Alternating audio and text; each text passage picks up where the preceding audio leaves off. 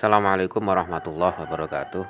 Selamat berjumpa kembali anak-anakku 10 TKJ SMK Negeri 2 Kudus. Uh, Semoga kalian dalam keadaan sehat Tetap jaga protokol kesehatan. Semoga kita akan segera bertemu secara tatap muka di sekolahan Karena September ini kakak kelas kalian kelas 11 sudah mulai uji coba untuk pembelajaran tatap muka. Semoga uh, bulan depan kita kelas 10 sudah dipertemukan di SMK Negeri 2 Kudus di Kepangen Rejosari Hendawi Kudus. Anak-anakku kita akan lanjutkan uh, materi kita. Materi kita hari ini adalah berpakaian sesuai dengan syariat dalam kehidupan sehari-hari berpakaian itu menutup aurat. Salah satu tujuannya di samping tujuan yang lain mungkin yang sekunder ya yang bukan tujuan utama adalah untuk keindahan. Secara bahasa aurat itu apa sih? Secara bahasa aurat itu aib. Sesuatu yang harus ditutupi. Sesuatu yang ter, kalau terlihat itu membuat orang malu Jadi aurat ini bagi orang yang berakal sehat, berakal normal akan ditutupi. Kalau kamu lihat orang-orang yang ketawa sendiri di jalan sambil senyum-senyum itu kan auratnya ter, auratnya terbuka. Jadi dia nggak malu, nggak punya malu. Makanya orang mengatakan alat vital kita itu kemaluan. Artinya kalau nggak tertutupi ya malu. Tapi sebenarnya aurat itu tidak hanya alat vital tersebut. Sedangkan menurut istilah, aurat itu adalah batas minimal dari bagian tubuh yang wajib ditutupi karena perintah Allah. Jadi aurat itu batas minimal dari bagian tubuh manusia yang harus ditutupi. Karena ada perintah agama, perintah dari Allah Subhanahu wa taala. Ada perbedaan antara aurat laki-laki dan perempuan. Kalau laki-laki baina surroh warrubah antara udel sampai dengkul, antara pusar sampai lutut itu harus ditutupi. Kalau perempuan seluruh anggota tubuh kecuali muka dan uh, telapak tangan, apa-apa bahasa Jawa nih. Nah, untuk itu ada pakaian-pakaian yang didesain untuk menutup aurat. Pembahasan kita ini tidak hanya untuk perempuan ya, juga untuk laki-laki. Tetapi biasanya kalau bicara tentang pakaian yang syar'i, orang akan lebih fokus, lebih banyak pembahasan di perempuan karena kalau kita lihat keseharian laki-laki itu cenderung menutup auratnya. Aurat sesuai agama loh. Kalau perempuan ini yang harus uh, ada perhatian lebih.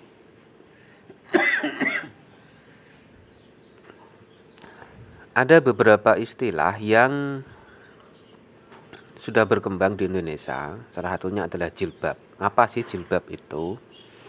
Sebenarnya jilbab itu berasal dari bahasa Arab yang memiliki arti pakaian yang panjang dan longgar. Pakaian yang panjang dan longgar serta menutup semua aurat wanita kecuali wajah dan telapak tangan. Jadi jilbab itu pakaian yang menutupi seluruh aurat perempuan, tidak hanya terbatas sebagai kudung. Kalau kudung atau kerudung itu adalah untuk menutupi bagian kepala sampai dada itu makna asli jilbab tetapi kita e, di Indonesia sering memakai kata jilbab ini sebagai kerudung tapi makna sebenarnya adalah pakaian yang panjang dan longgar serta menutup semua aurat wanita aurat wanita itu seluruh bagian tubuh kecuali wajah dan telapak tangan. Nah, kalau kudung itu bahasa Arabnya apa? Khimar.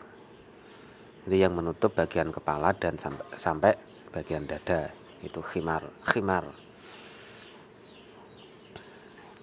Nah, kalau hijab, Pak, hijab itu artinya penghalang.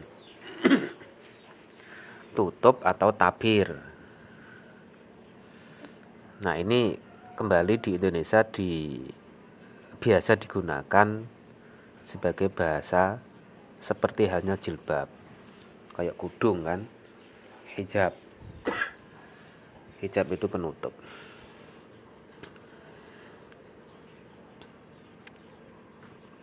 Jadi tirai papan dinding itu disebut juga hijab makna aslinya. Nah, mungkin penggunaannya lebih tepat hijab itu menutup e, aurat perempuan dari pandangan ajnabi atau laki-laki yang bukan mahram. Di dalam surat Al-Ahzab ayat 59 Allah memerintahkan untuk menggunakan jilbab, hijab atau kerudung. A'udzu billahi minasyaitonir rajim.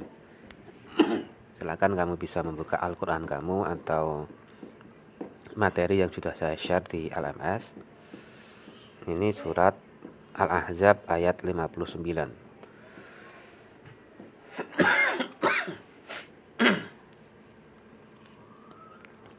A'udzu billahi minasyaitonir rajim. يا أيها النبي قل لأزواجك وبناتك ونساء المؤمنين يدنين عليهن من جلابيبهن ذلك أدنى أن يعرفن فلا يؤذين وكان الله غفورا رحيما يا أيها النبي wahai kanjeng Nabi Wahai Nabi, ini Allah memerintahkan kepada kanjeng Nabi. Jadi Allah itu nggak pernah jangkar kepada kanjeng Nabi. Jangkar itu memanggil namanya langsung. Ya ayuhan Nabi. Tidak pernah memanggil ya Muhammad kita tahu. Jadi orang yang disayang itu kan memakai uh, panggilan panggilan sayang ya. Panggilan sayang Allah ke Nabi ya, ay ya ayuhan Nabi. Kalau Allah memanggil kita, ya ayyuhalladzina amanu, hai orang-orang yang beriman. Nabi disuruh ngapain? Qul katakanlah li azwajika kepada istri-istrimu wa banatika dan anak-anak perempuanmu wanisa ilmu minina dan perempuan-perempuan yang beriman. Disuruh ngapain? Yudnina. Supaya melabuhkan pakaiannya alaihinna atas perempuan-perempuan yang sudah disebutkan tadi min jalabibihin menutup seluruh tubuhnya semasa mereka keluar min jalabibihinna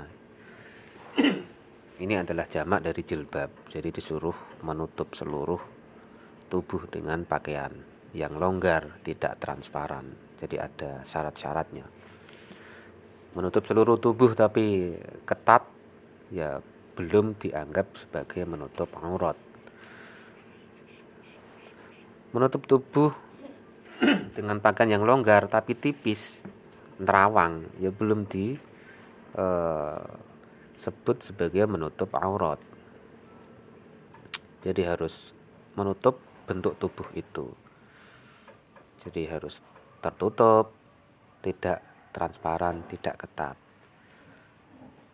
Zalika adna ayyurafna fala yu'zain. Zalika cara yang demikian itu menutup tubuh dengan pakaian yang tidak ketat, longgar, tidak transparan. Adna ayyu'rafna fala yu'zain.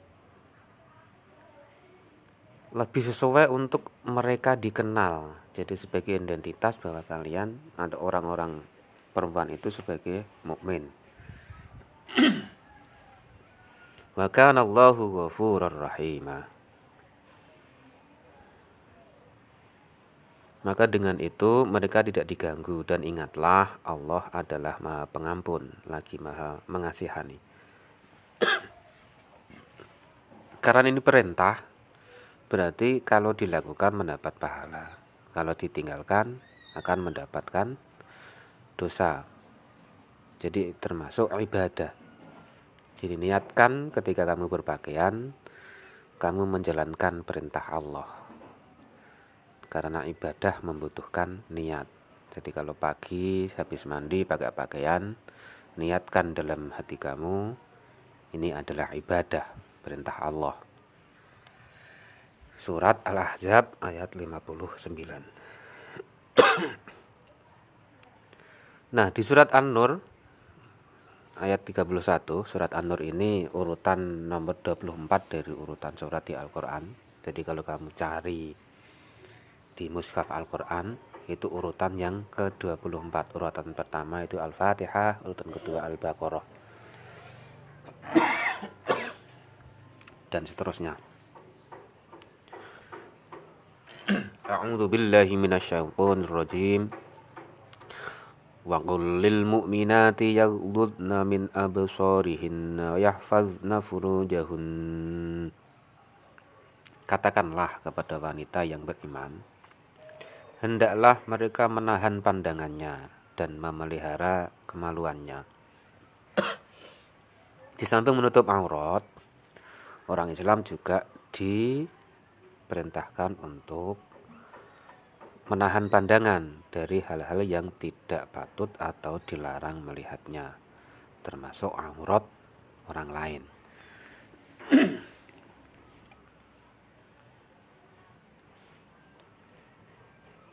wala yubdina zinatahunna illa ma zahara minha dan janganlah mereka menampakkan perhiasan kecuali yang biasa nampak darinya. Berpakaian sudah bagus pakai kerudung pakaiannya sudah sesuai aturan. Tetapi tingkah lakunya masih seneng pamer pamer gelangi e, cara berhiasnya juga tidak wajar. Atau gerakan-gerakan tubuhnya itu memancing syahwat. Sengaja entah di kehidupan nyata maupun di media sosial.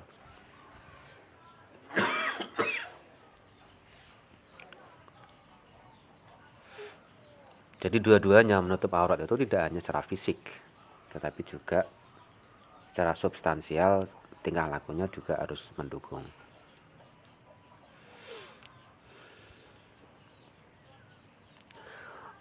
Wal ribna bi khumurihinna ala juyubihin. Dan hendaklah mereka menutup kain kudung ke dadanya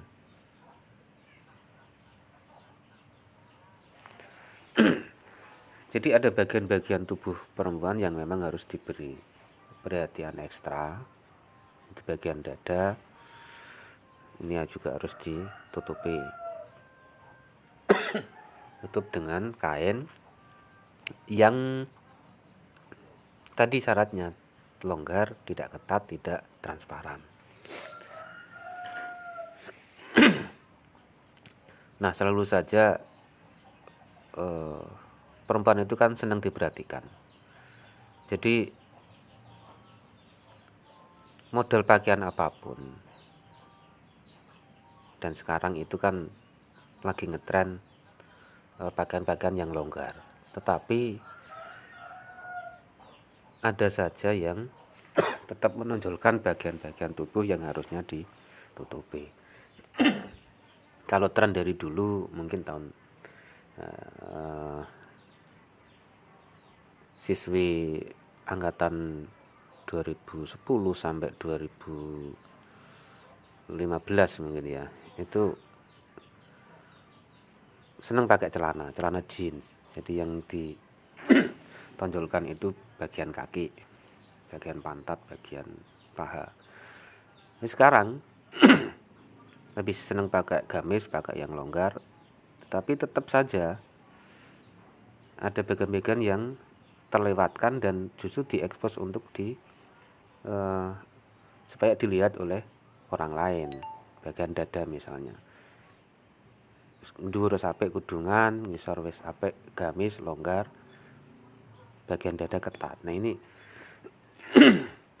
sesuatu yang mohon ditinggalkan.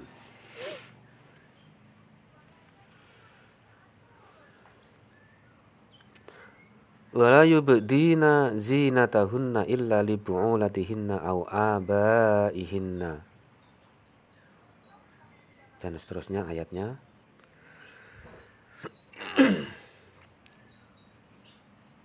kecuali kepada suami mereka ada ada ada beberapa orang yang kita di dalam rumah boleh terlihat oleh orang-orang tersebut, misalnya suami, boleh dong. Ayah, ini sudut pandangnya dari perempuan ya. Ayah itu termasuk mahram. Mahram itu tidak boleh dinikah. Ayah suami mereka morotua. Putra-putra mereka. Anak ya. Putra-putra suami mereka. Anaknya bujune, anaknya ini. Kan ada misalnya Eh, perempuan nikah dengan orang yang sudah beranak. Bisa duda. Jadi boleh. Itu itu mahram. Kalau di rumah nah, kita boleh eh, tidak pakai apa jilbab tetapi tidak ada orang lain kecuali mahram putra-putra saudara laki-laki mereka ponaan, ponaan lanang. Putra-putra saudara perempuan, ponaan sing teko dulur wedok. Sesama perempuan atau budak-budak yang mereka miliki. Sekarang nggak ada budak ya. Atau pelayan laki-laki yang sudah tidak punya syahwat terhadap wanita. Wong sing tuwik wis ranti syahwat, ranti kepinginan kepada uh, perempuan. Itu di dalam rumah kita boleh tidak pakai jilbab. Dan janganlah mereka memukulkan kakinya agar diketahui perhiasan yang mereka sembunyikan. Tidak suka pamer. Tidak hanya perhiasan ya. Nah ini budaya pamer ini tidak hanya di kehidupan nyata sekarang di media sosial juga bisa untuk bahan pamer. Pamer itu bisa menyakiti satu bisa menyakiti orang lain yang tidak punya. Yang kedua yaitu bisa sebagai uh, ya berarti kalau pamer secara substansi nutup aurat itu belum terpenuhi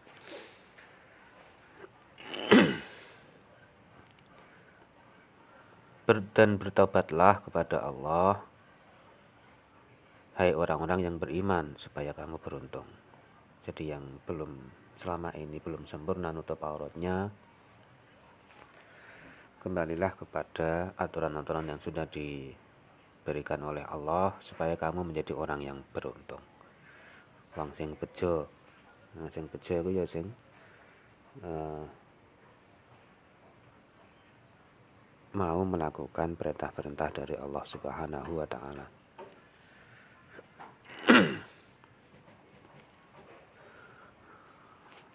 mengenakan pakaian yang sesuai dengan aurat ini harus dibiasakan dari kecil. Siapa yang tanggung jawab? Ya orang tuanya, terutama sang ayah.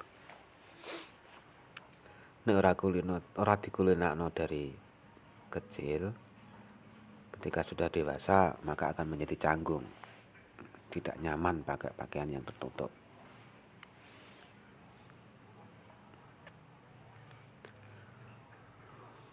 Di dalam surat At-Tahrim ayat 6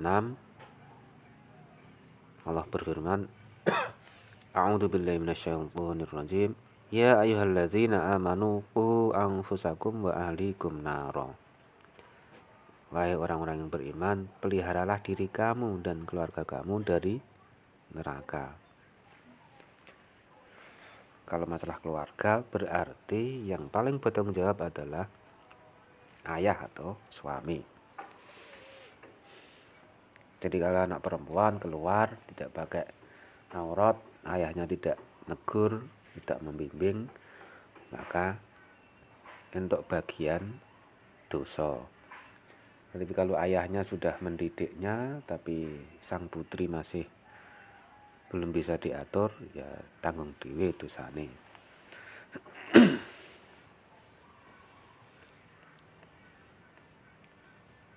Nah, sekarang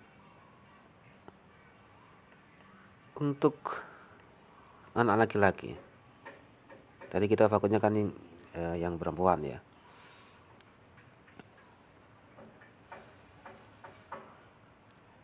Jadi kita bedakan antara eh, teks-teks eh, agama dengan budaya ya. Di dalam Al-Quran itu tidak ada ketentuan desain pakaian yang penting substansinya nutup aurat tidak ketat tidak transparan longgar. Tidak ada desain yang ditentukan oleh Allah. Desain itu adalah karya manusia budaya manusia. Dan kebetulan cara untuk menutup aurat bagi perempuan ya jilbab itu kerudung desainnya seperti itu. Kalau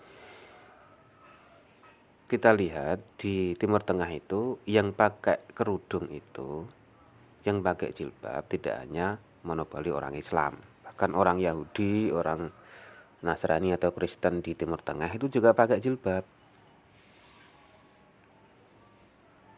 Zaman Abu Jahal Bian ya pakai pakaian Arab itu pakai gamis. Pakai penutup kepala seperti orang Arab itu karena budaya Nah, kalau orang Indonesia ya tetap nutup aurat meskipun dengan memakai desain pakaian ala Indonesia. Kalau kita lihat ciri khas orang Indonesia orang laki-laki ya pakai sarung pakai baji pakai baju koko. Meskipun baju koko itu sebenarnya desain dari China. Tidak harus orang ketika nutup aurat harus seperti orang Arab. Yang perempuan harus pakai apa gamis seperti orang Arab. Yang laki-laki juga. Nabi itu cinta tanah air. Makanya beliau tidak punya pakaian yang menggambarkan sebagai seorang pemimpin negara dan pemimpin agama. Sama seperti laki-laki Arab yang lain. Berarti beliau cinta tanah airnya, cinta Arab. Kalau misalnya kanjeng Nabi itu lahir di Jawa, besar di Jawa, mungkin pakai pakaian adat Jawa. Nutup aurat tapi tetap boleh dengan pakaian budaya setempat. Jadi ingat berislam itu tidak harus berbudaya Arab. Bedakan antara agama dan budaya. Sekarang permasalahannya berkembang. Saat ini banyak golongan Islam mulai bermunculan mulai tahun 2000-an itu. Orang-orang yang enggak dalam berpakaian itu tidak seperti umumnya ciri khas orang Indonesia nggak pernah pakai sarung nggak pernah pakai badai. Kemudian pokoknya seperti orang Arab gitulah. Uh, harus pelihara jenggot pelihara cambang. Ya boleh sih. Boleh. Tetapi tidak harus seperti itu berpakaian sesuai syariat. Tidak harus seperti itu. Jangan e, lantas menyalahkan budaya-budaya setempat yang sesuai dengan inti ajaran Islam. Orang pakai sarung pakai baju koko pakai batik pakai peci hitam itu kan sudah sesuai dengan substansi menutup aurat. Jadi beda bedakan antara budaya dan agama. Nah sekarang kan kalau kamu lihat banyak artis-artis yang uh, istilahnya mereka membahasakan sebagai hijrah kemudian berjenggot memakai celana di atas mata kaki.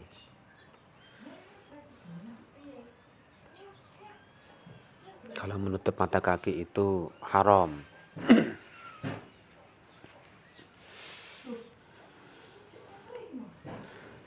Istilahnya isbal. Isbal itu menutup mata kaki. Jadi ada sebuah hadis. An Ibni Umar Anin Nabi Sallallahu Alaihi Wasallam Qala. Dari Ibnu Umar jadi hadis ini dari Ibnu Umar pertama kali. Beliau melihat beliau dari kanjeng Nabi.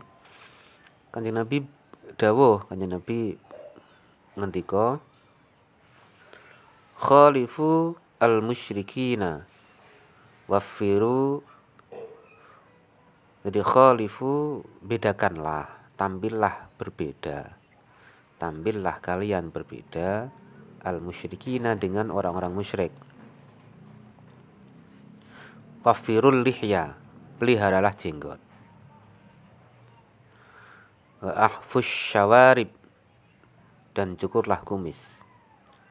Wa kana Ibnu Umar idza hajja awi tamara qabadha ala lihyatihi. Dan ketika Ibnu Umar melaksanakan haji atau umrah, beliau memegang jenggotnya. Fama fadola akhadahu dan ia pun memotong bagian yang lebih yang melebihi genggamannya.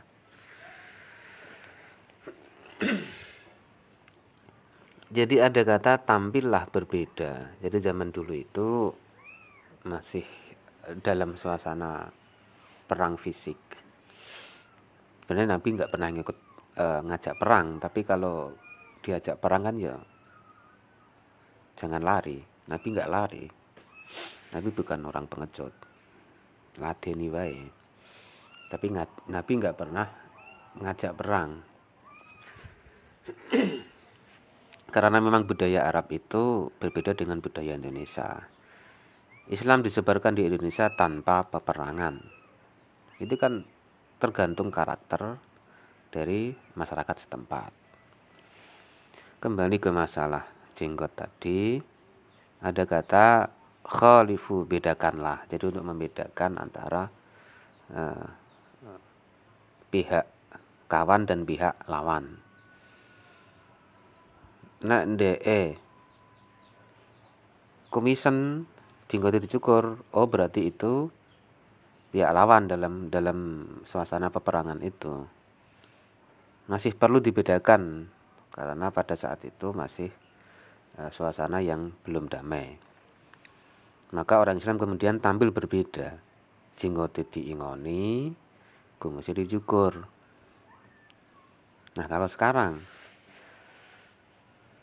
boleh pelihara jenggot, boleh cukur kumis atau kumisnya diingu, jenggotnya dipotong, eh, terserah. Yang penting rapi, kemudian tidak menjustifikasi, tidak menghakimi orang lain, bahwa jenggot itu wajib jenggot itu orang Islam itu ciri khasnya harus jenggoten tidak harus. Ya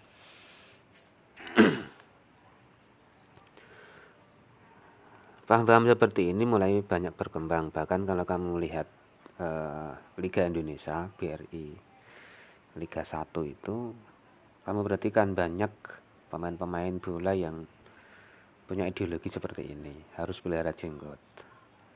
Pemain persib itu ada. Banyak pemain persib itu. Memang paham seperti ini berkembang di daerah Jawa Barat. Supardi Nasir, Deden Nasir banyak sekali yang di sana itu.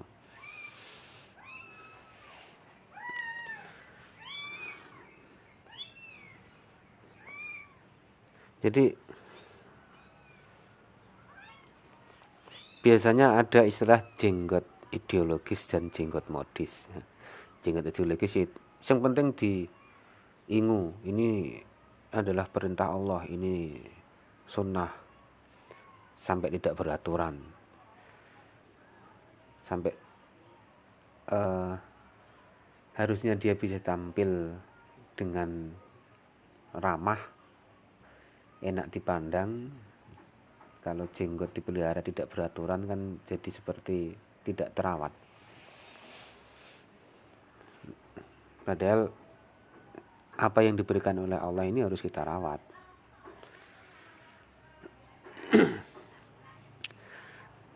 sunnahnya itu jangan yang yang secara simbol-simbol tertentu saja. Nabi itu ramah, Nabi itu senyum. Murah senyum.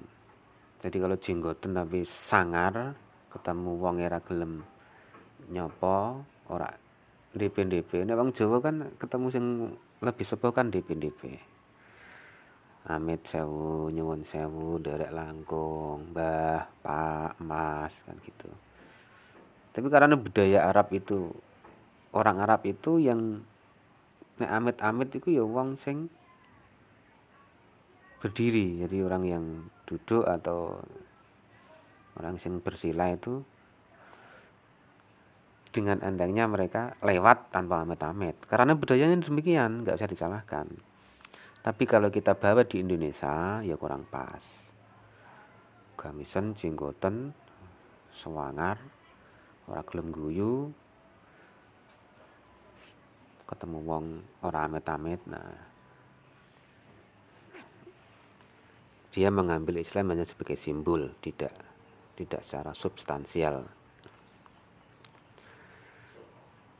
Mengenai isbal atau berpakaian menutup sampai mata kaki, dulu ada ceritanya. Jadi ada hadis an Abdullah bin Umar radhiyallahu anhuma qala qala Rasulullah sallallahu alaihi wasallam man jarra thabahu khuyala'a lam yang zurullah barang siapa yang memanjangkan pakaiannya hingga ke tanah karena sombong maka Allah tidak akan melihatnya atau mempedulikannya pada hari kiamat jadi tren pada waktu itu orang-orang kaya, hurang-hurang kaya, para sultan di Arab itu zaman dulu saling berlomba-lomba api-apian pakaian. Jadi mereka menyombongkan pakaiannya dipanjangke sampai mata kaki. Sampai mata kaki. Karena sombong. Nah, itu dilarang. Nah, sekarang celana yang standar orang Indonesia itu kan menutupi mata kaki. Karena budaya kita demikian. Tidak karena sombong, berarti boleh kan? Nah, sekarang sudah mulai berkembang orang yang nek nutupi mata kaki atau isbal itu sombong. Jadi neraka. Makanya celananya dipotong. Poloke ketok, mata kaki ini ketok. Jadi seperti pakai celana 3 per 4. Ya boleh itu desain pakaian, itu sebuah pilihan berpakaian. Tetapi jangan menghakimi orang lain, orang lain yang tidak berpakaian seperti itu, lantas kemudian disalahkan, dinrokok-nerokok nih. Haram, neraka. Neraka tidak terletak di uh, mata kaki terlihat atau tidak justru karena dia celananya cingkrang terus jadi sombong. Nah itu. Sombongnya ini yang dilarang. Nah kemudian mengenai jil e, kerudung ada model e, burkoh dan nikob kalau burkoh itu seluruh muka itu ditutup. Bahkan bagian mata itu ditutup. Ditutup dengan kain yang dia bisa melihat keluar tapi orang luar tidak bisa melihat dia. Nikop itu cadar ya hanya hanya matanya yang kelihatan. Nah ini eh, budaya-budaya uh, Arab yang ini sebuah pilihan. Kamu kamu tidak harus sama seperti orang Arab dalam beragama tapi kalau kamu memilih demikian ya monggo. Tetapi jangan menyalahkan orang yang berpakaian ala Indonesia sekali lagi boleh berpakaian dengan adat setempat tetapi substansi dari menutup aurat itu harus tetap dijalankan. Nah, ini ada beberapa uh, substansi yang harus kamu garis bawahi. Semoga kita bisa berpakaian lebih baik bagi laki-laki maupun perempuan. Bahkan di dalam adat setempat misalnya wong lanang nganggo kalung nganggo gelang nah itu kan di dalam pandangan adat kita kan kurang patut ya nggak usah dilakukan lah jadi hal-hal yang normal-normal saja. Tatonan, kalungan, memang lanang. Itu kan menurut adat kita, menurut pandangan umum itu sesuatu yang tidak baik, ya rasa dilakoni. Kamu bisa tampil, bisa eksis dengan sewajarnya, dengan hal-hal lain yang lebih positif. Orang itu kan memang perlu, eksis itu kan memang perlu, apalagi zaman media sosial seperti ini. Tapi tetap patuhi aturan agama, tetap hormati, tetap patuhi adat-adat setempat, lingkungan setempat. Bahkan kita satu desa dengan desa yang lain pun punya aturan yang berbeda. Nah, itu kita kita akomodir. tidak hanya melulu uh, satu aturan sak saklek seperti halnya orang Arab nek jadi wong Islam ya kudu kaya wong Arab nggak harus. Agama dan budaya itu berbeda. Kita tetap bisa beragama tapi bisa menjunjung budaya. Itulah yang diajarkan oleh leluhur kita kiai-kiai kita para wali songo. Makanya Islam Indonesia dikenal dunia sebagai Islam yang ramah, Islam yang eh, bisa mengawinkan, mempertemukan antara budaya dan agama dengan sangat mesra, dengan sangat sukses. Demikian materi kita hari ini. Semoga kita tetap sehat dan bisa dipertemukan di pembelajaran tatap muka secepatnya. Assalamualaikum warahmatullahi wabarakatuh